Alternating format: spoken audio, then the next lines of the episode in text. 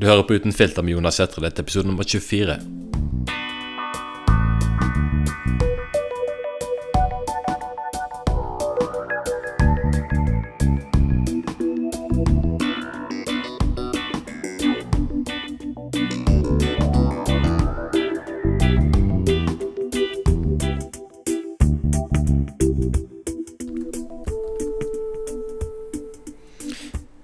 møtt til et nytt dybdeintervju her i Uten filter. I dag skal vi snakke om noe som vanligvis aldri får offentlighetens lys.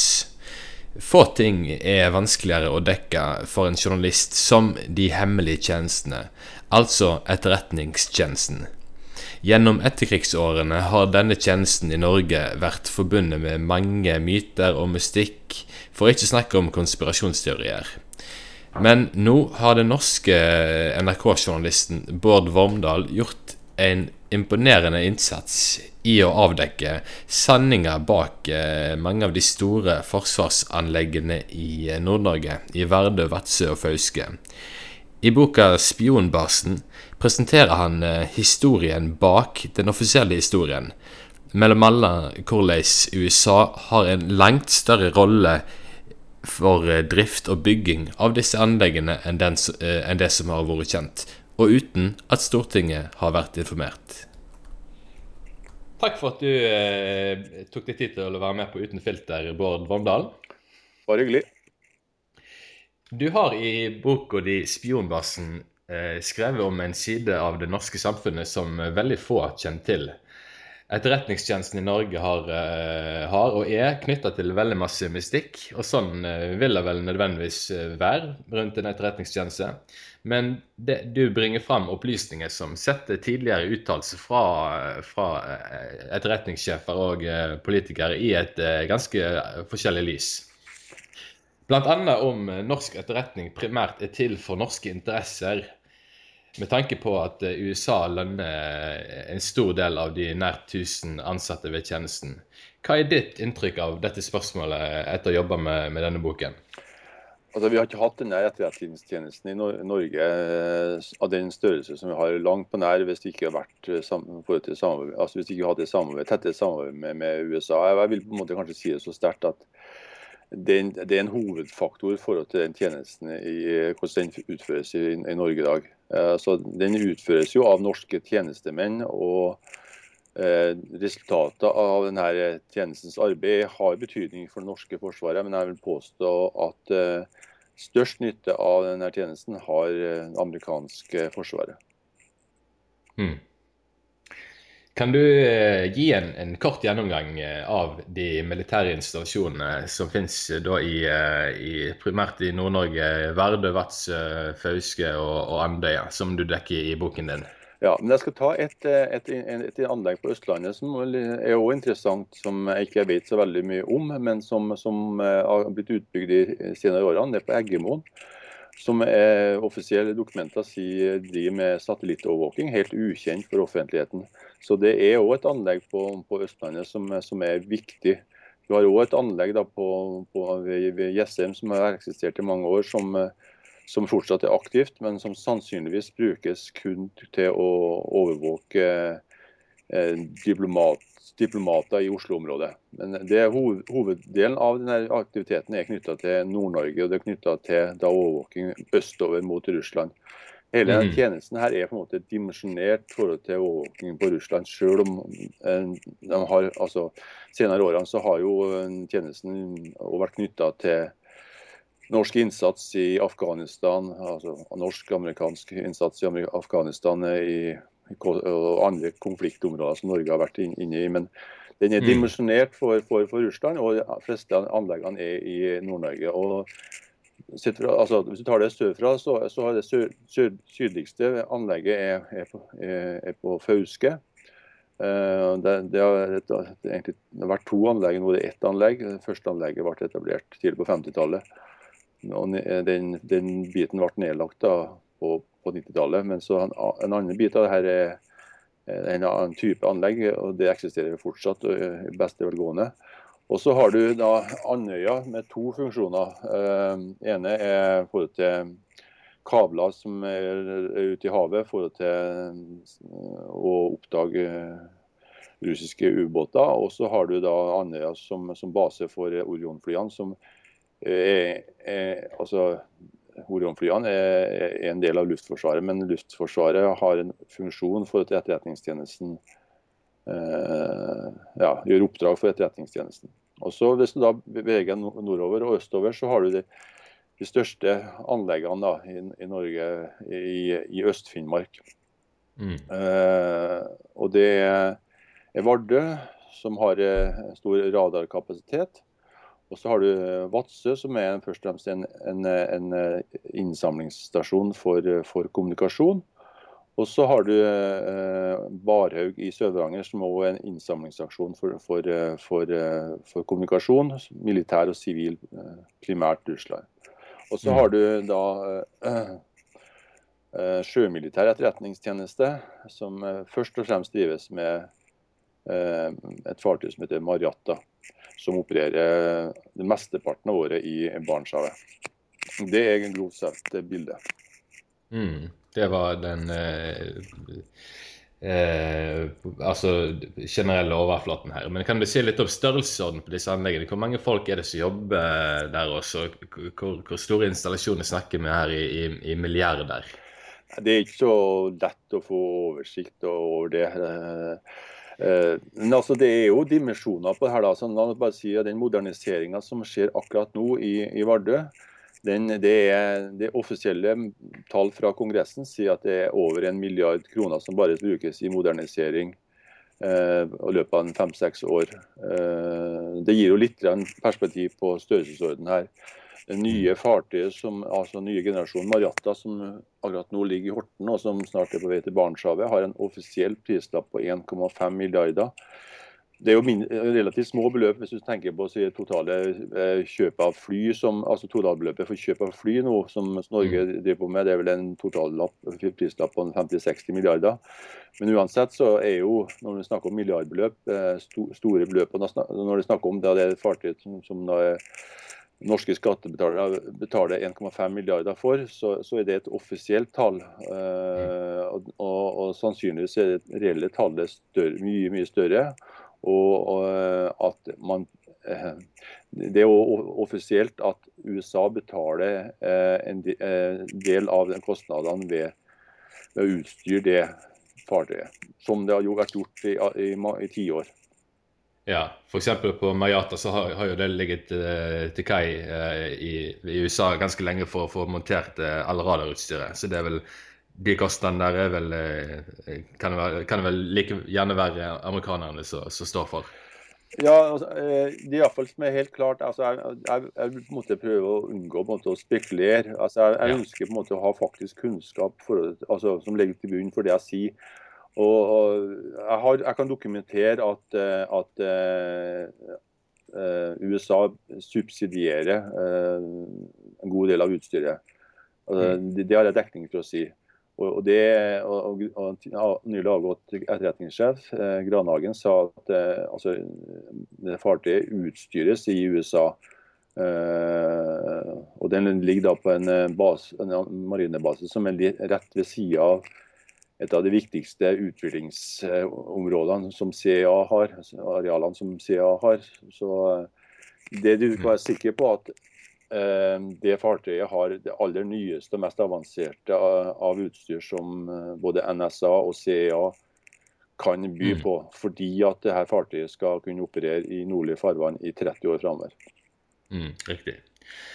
Eh, for å sette det litt i perspektiv, dette her vi snakker om i dag, så, så, er det jo lett å bare tenke mm, ja, det er militærbase her og der i Norge, og, og hva så? Men det, det, som kommer frem i boken din, er jo at eh, områdene i nord i Norge er, er orkesterplass, som det blir sagt, eh, for amerikansk etterretning.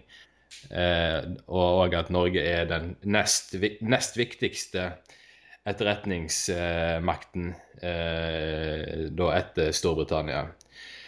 Så det, Kan du gi litt kort greie for den strategisk viktige betydningen Norge har for amerikansk eh, etterretning?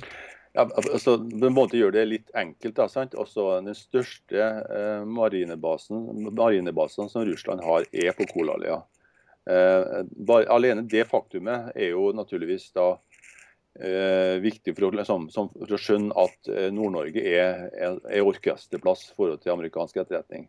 Det er det ene. Og det andre er jo altså at eh, eh den korteste avstand mellom storbyer på den amerikanske østkysten og, eh, og, Russland er over, over Nordpolen. Eh, det betyr jo at det er den korteste strekninga for bombefly begge veiene, for raketter.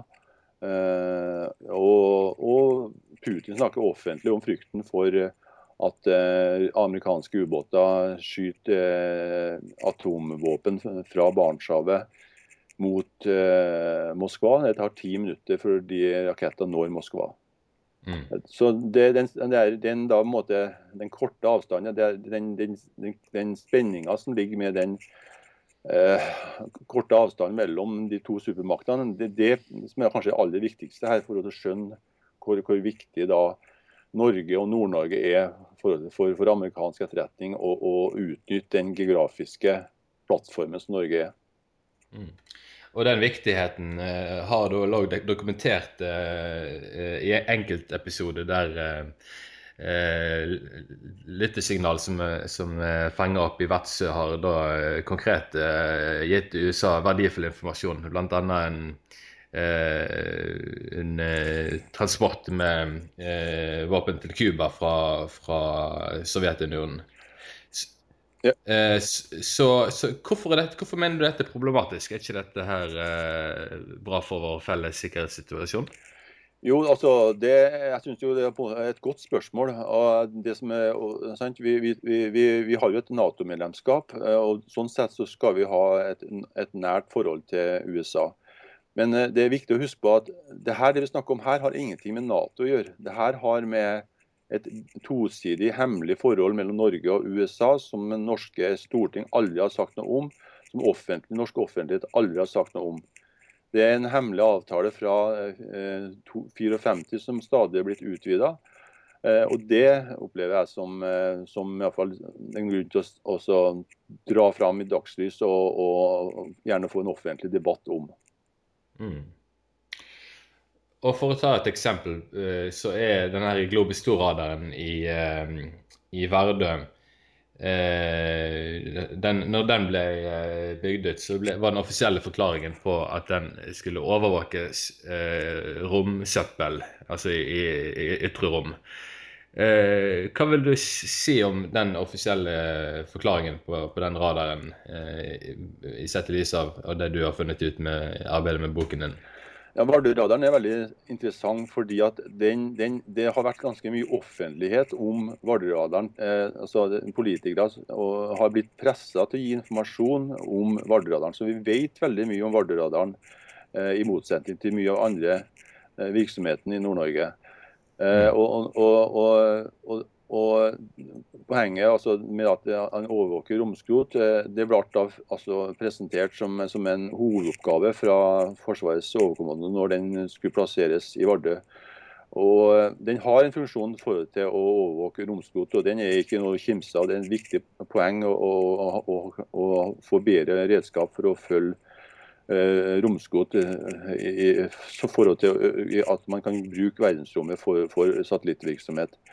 Men eh, Vardødalen har en, mange, en rekke andre eh, funksjoner som, eh, som sannsynligvis er, er, mye viktigere enn den funksjonen forhold til romskot. Og da er, er det ene er knytta til det amerikanske kontroversielle rakettskjoldet, og det andre er forhold til at USA har mulighet for å drive både altså offensiv eh, krigføring mot andre lands satellitter. Et siste punkt, punkt er jeg egentlig spesielt opptatt av å få fram i offentligheten. Det er ting som har vært utrolig vanskelig å, å få løfta ut i offentligheten. Men jeg mener at det, jeg, jeg, jeg mener at det er viktig. Mm. Jeg har lyst til å ta et litt hypotetisk spørsmål til deg. Eh, nå hører man jo at eh, fronten, altså eh, forholdet mellom USA og Russland det er, blir kaldere og kaldere nesten for hver måned som går. Og, skal, og de to maktene er nå eh, så altså, aktive begge to i, i, i, samme konflikt i Midtøsten. Og det skal jo egentlig bare en uh, ulykke til før uh, en av de skyter ned et fly til, til den andre. Altså, og, altså, poenget mitt er at hvis det skulle plutselig skje en konfrontasjon som utløser, utløser noe mye større, vil ikke det være veldig lett for Russland da å, å ødelegge disse målene i Vardø og Vadsø? Vil ikke det være på en måte det mest logiske, første og åpenbare man ville gjort for å da hindre motparten sin innhenting av, av informasjon?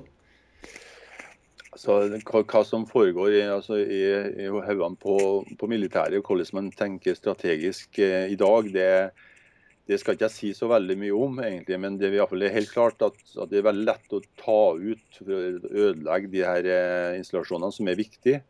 Eh, og det, det blir også sagt i noen, altså, hadde en ekspert, jeg tror det var ekspertutredninger fra Forsvaret i fjor som sier at det må, det må måtte styrkes da, sikkerheten rundt de der installasjonene. Hvordan det skal gjøres i praksis, kan være vanskelig. Men mm. en annen ting her da, som kanskje er relevant i denne sammenhengen, er at Nato eh, på, på 70-tallet eh, trener på situasjoner i forhold til akkurat en sånn situasjon som du eh, skisserer her. Eh, med at man eh, altså får en konflikt som utvikler seg ut, ut, med første skritt på at man da tar over først Vardø og så andre installasjoner av denne, altså av denne sorten i Nord-Norge. Det skjer ved at, at i denne krigsøvelsen med at Sovjetunionen hevder at signaler fra de installasjonene forstyrre eh, eh, militærøvelser på russisk side. Altså, og da en fare på den måten at det er en fare for sikkerheten. Eh, og så utvikle seg videre eh, etter det her. Altså en slags, og, og, det, og, den måten de da tar over de her installasjonene, er bare at man eh, har små enheter som, som, kommer fra sjøen, som tar over dem eh, ganske enkelt. En mm. slags form for hybridkrigføring. Så, det, det med, ja. så denne tanken om hybridkrigføring er jo ikke ny. Uh, men altså, hele tatt, hvordan man tenker militært i dag, det, og hvordan som er sannsynlig, det, det, blir på en måte en slags spekulasjon som ikke jeg, jeg vil gå for mye inn i. I, I, boken din så beskriver du eh, livet i, i Vadsø, der eh, rundt 150 eh, er ansatt ved lyttestasjonen. Eh, der de ansatte da på folkemunne blir kalt forsøkskaniner, da kalt opp etter det offisielle navnet på stasjonen, som er da eh, Forsøksstasjonen. Og de har jo ikke lov til å fortelle eh, om jobben sin til, til noen. Men med, med, tanke på hvor liten by Vadsø faktisk er, hvordan har dette fortont seg i praksis, der en så stor del av innbyggerne må, må verne om en, en, en, felles hemmelighet? Det er på en måte litt sånn surrealistisk, egentlig, det her. sant? Man ser for seg at du hadde noe sånn lignende i Oslo eller Bergen. Med, med en sånn veldig stor arbeidsplass. Og, sant? Altså, den, skal, altså, skal være relativt like stor i Bergen, i Trondheim eller Oslo. Så hadde det vært en veldig stor arbeidsplass med 500-600 arbeidsplasser. Eh, og at man da som ikke snakker om hva de driver på med der. Eh, og hva som er da årsaken til at dette kunne ha fungert over så mange år på den måten der, er jo, er jo egentlig et lite mysterium. Og for meg som har bodd der i 25 år. Jeg tror En viktig grunn er at måte, her er sitt langt fra maktens sentrum. Det er måte, Man har bare akseptert fordi at man har liksom ikke noe man skulle ha stilt opp forhold til, til at det er sånn. At man kaller det for en forsøksstasjon. Eh, og uten å si noe nærmere om hva egentlig man, man driver på med.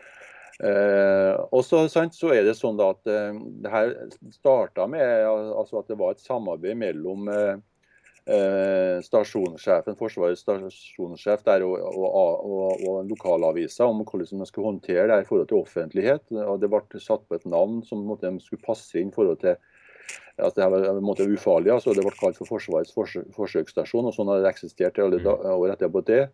Og, og,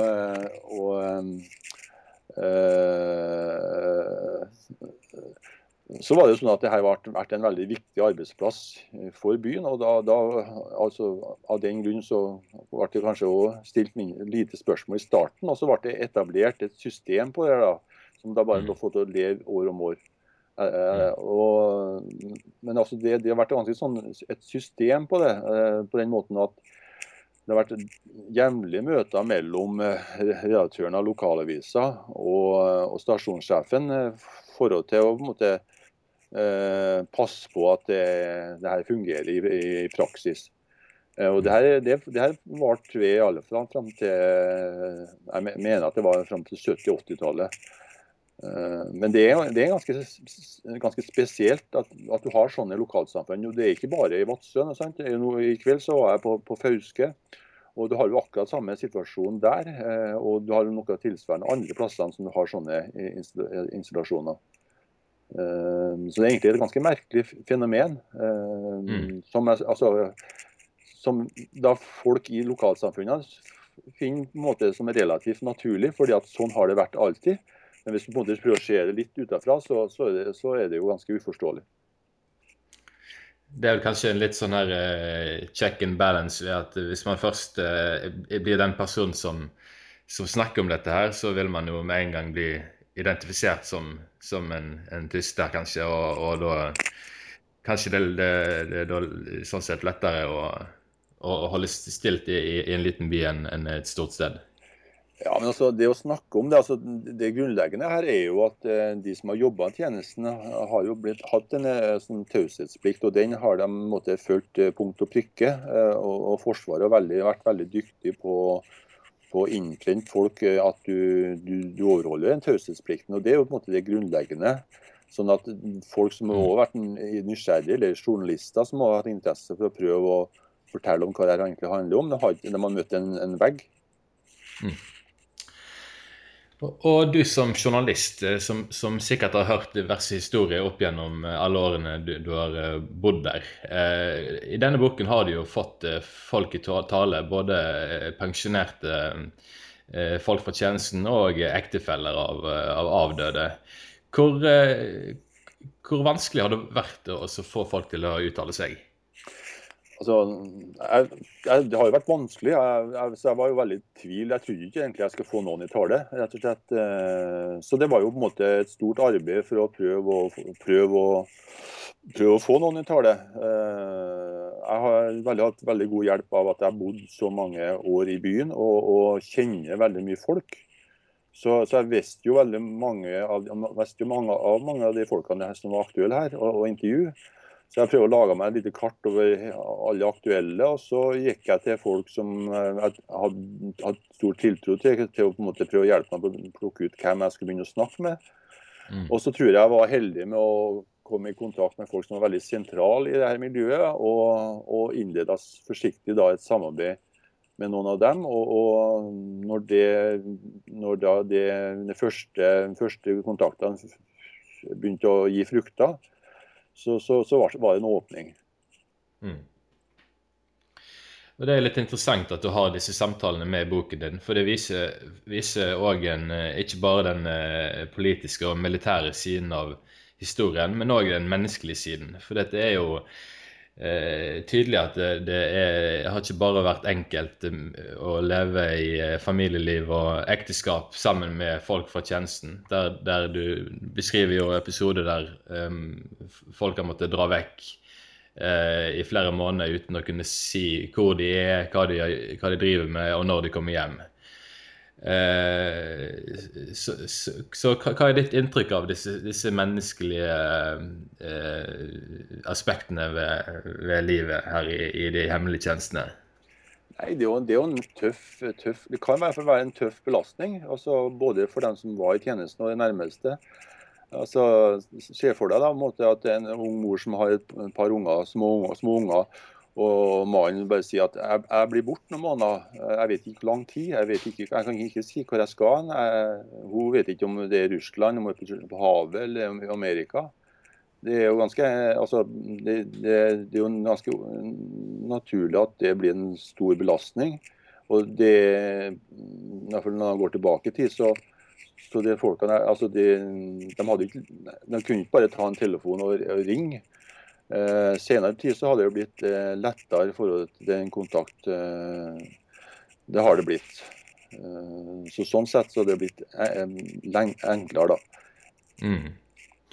Det var spesielt en skjebne som, som, gjorde ganske sterkt inntrykk på meg. Da. Det var jo, Jeg husker ikke navnet på vedkommende, men det var en som da hadde endelig pensjonert seg, men så fått tilbud gjennom å dra ned til, til Balkan som pensjonist. Og, eh, og virker jo som at, eh, at, det var på en måte umulig for han å si nei pga. at han var såpass knytta til, eh, til det, det, livet. da. Og, og, da, etter den episoden, så ble, ble han syk veldig fort og, og fikk, fikk, liksom ikke nytt, nytt godt av, av pensjonisttilværelsen i det hele tatt. Hvordan har du inntrykk av eh, Er det problematisk for, for, de som har hatt en hel karriere i tjenesten, å, legge jobben fra seg og så leve et rolig eh, pensjonistliv? Eh, jeg tror på en måte det er veldig forskjellig hvordan den tjenesten har vært. Så her, denne karen du snakker om nå, han, han, var jo veldig sånn ute på forskjellige slags type oppdrag. da. Sant? Han, var operert, som, han opererte også som agent sant? inn på russisk territorium. Og mens jeg hovedsakelig snakker om folk som jobber på stasjonene. og De som jobber på stasjonene, de, de hadde jo ikke på en måte sånn, sånn, så, så, nervepirrende oppdrag som, som, som, som, agentvirksomhet. og det som han karen her som opplevde ting da i, på Balkan som, var uh, utrolig dramatisk uh, sånn på siste, de siste dager. Sant? Han opplevde jo å se unger som var Eh, skutt og drept og lå i veikanten. Eh, de fleste av de her folkene vi har snakket om, sant? her er jo folk som har sett med datamaskiner og, og en teknisk utstyr. Mm.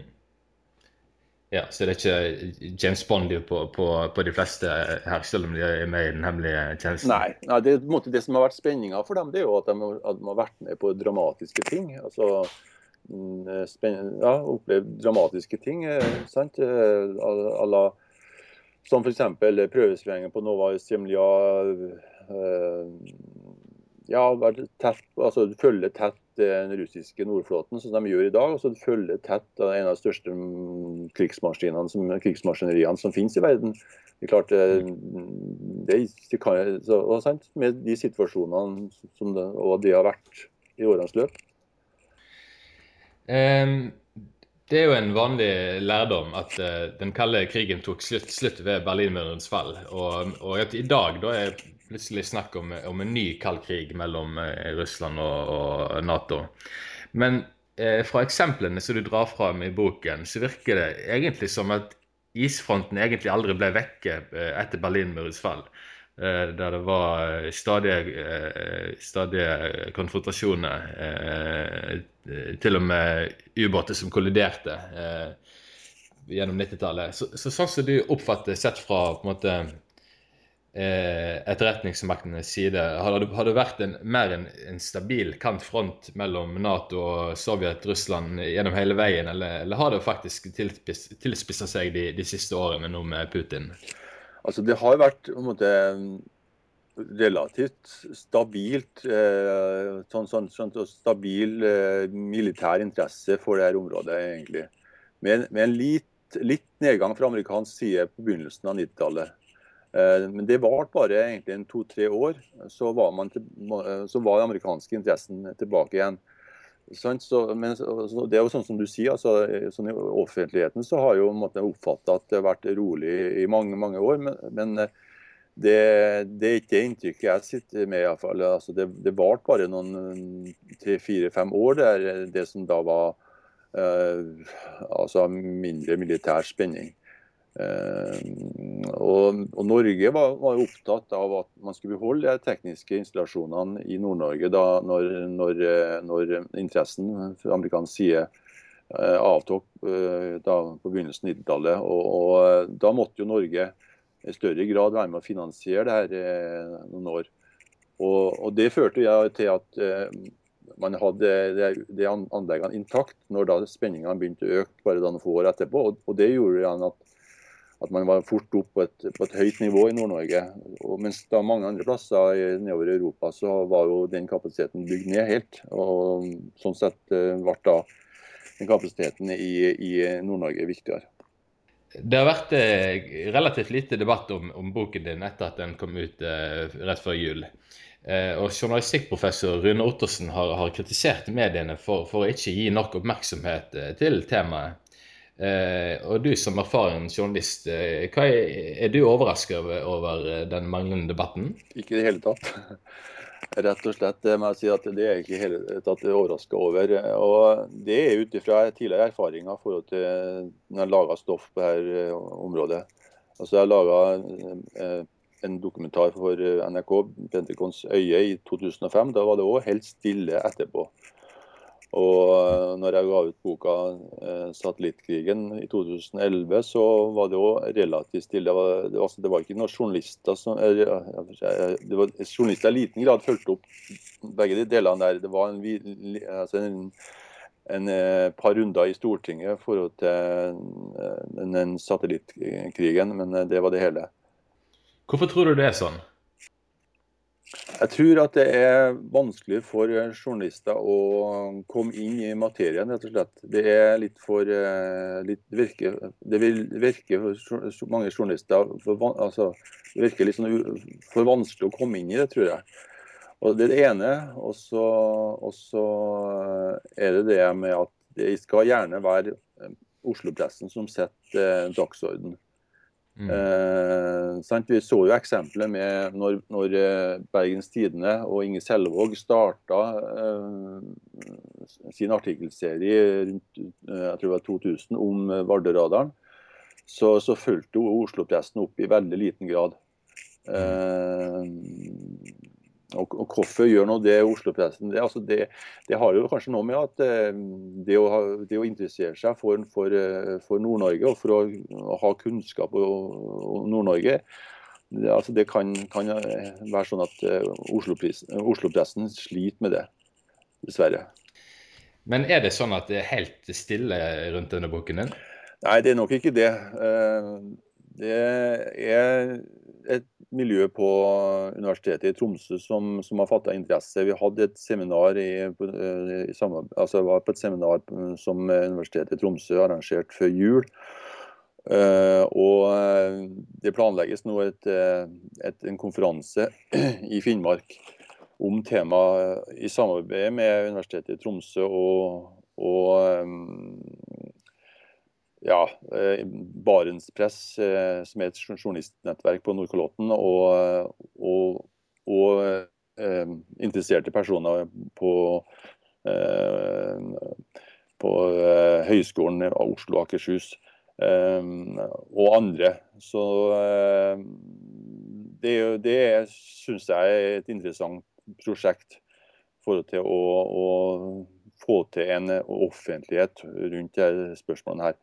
Eh, man må tenke litt langsiktig, tror jeg, eh, for at eh, man skal klare å så løfte opp en del av de temaene her. og En sånn konferanse det har jeg absolutt tro på.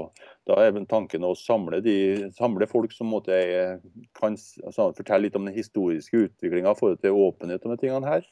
Eh, og ja, eksperter på feltet både fra amerikansk og russisk side. Og prøve å å få politikere som kan være interessert, og akademiske miljø i, i Norge til, til, å delta. Så det, det, det ser jeg fram til.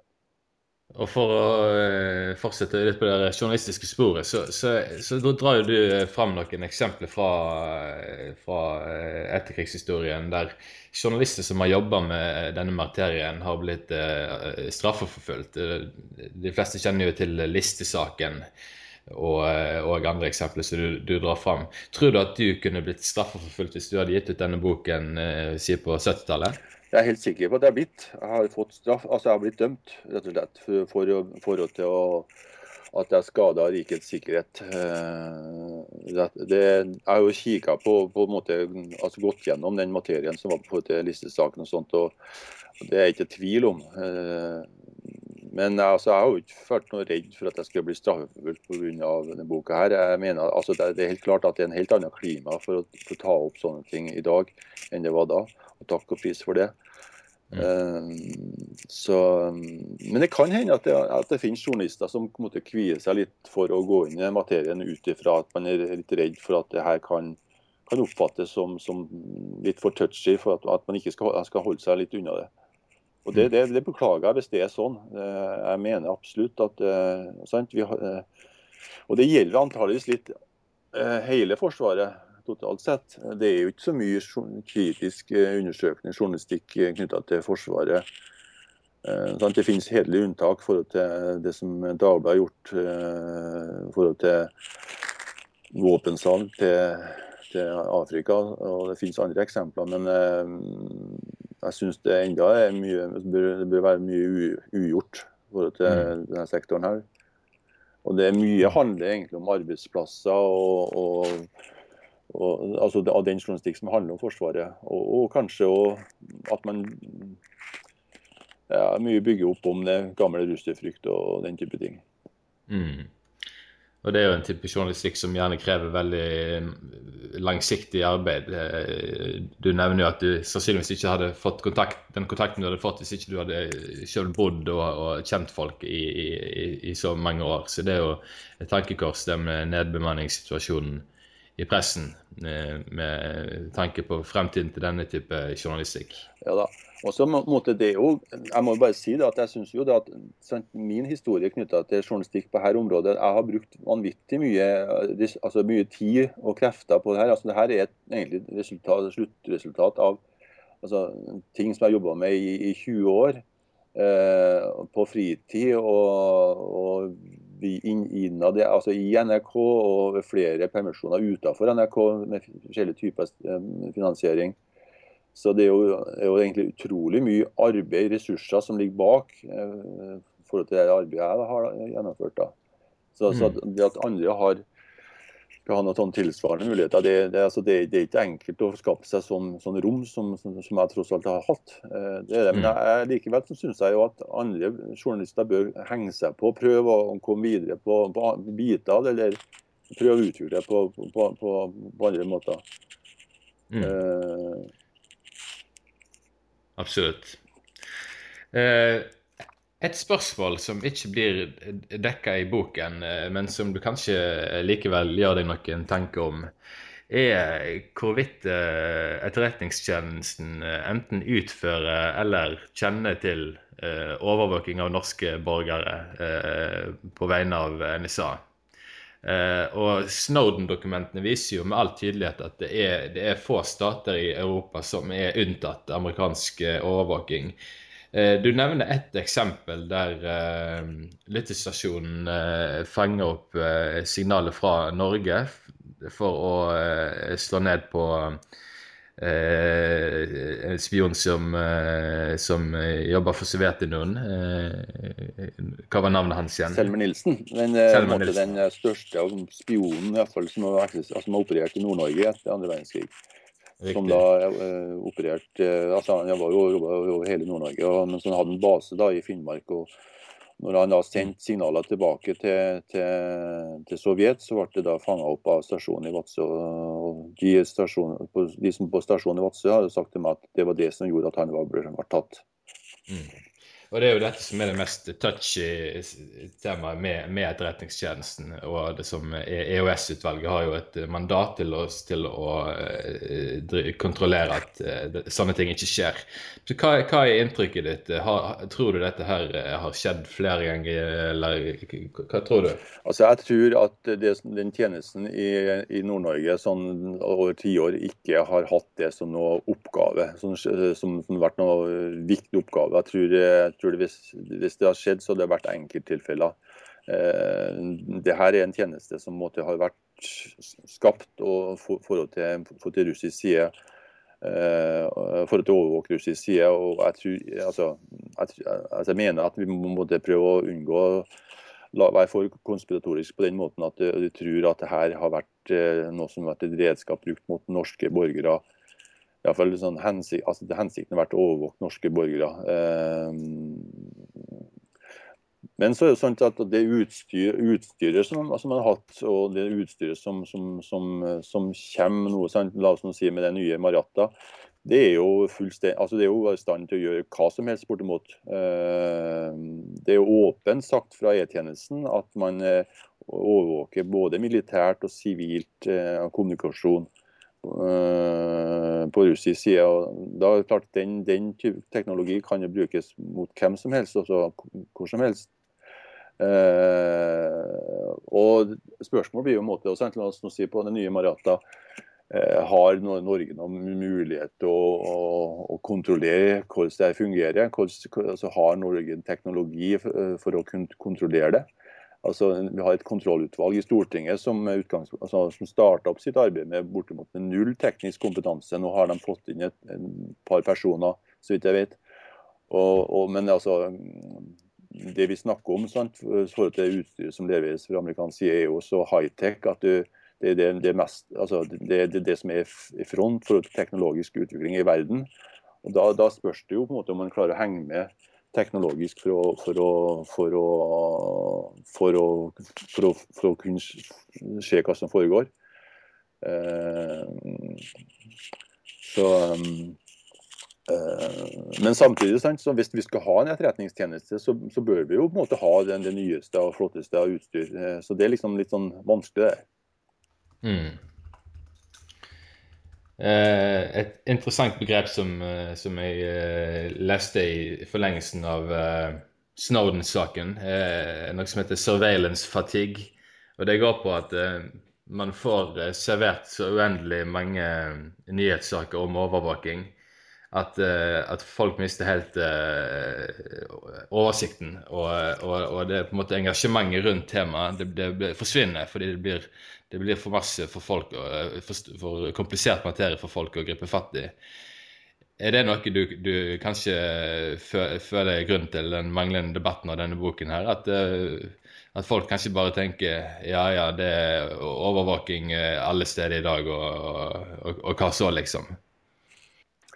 Altså, jeg mener at eh, grunnen til at det ikke er noe altså, så lenge, altså, Jeg mener at grunnen til at det ikke er en eneste politiker som har rykka ut grunnen til det her, er at eh, generelt sett at det er veldig eh, lite sikkerhetspolitisk debatt i Norge. Altså, du, du har ikke, det er ikke et eneste politisk parti som, som, eh, som, eh, som profilerer seg i forhold til sikkerhetspolitikk lenger.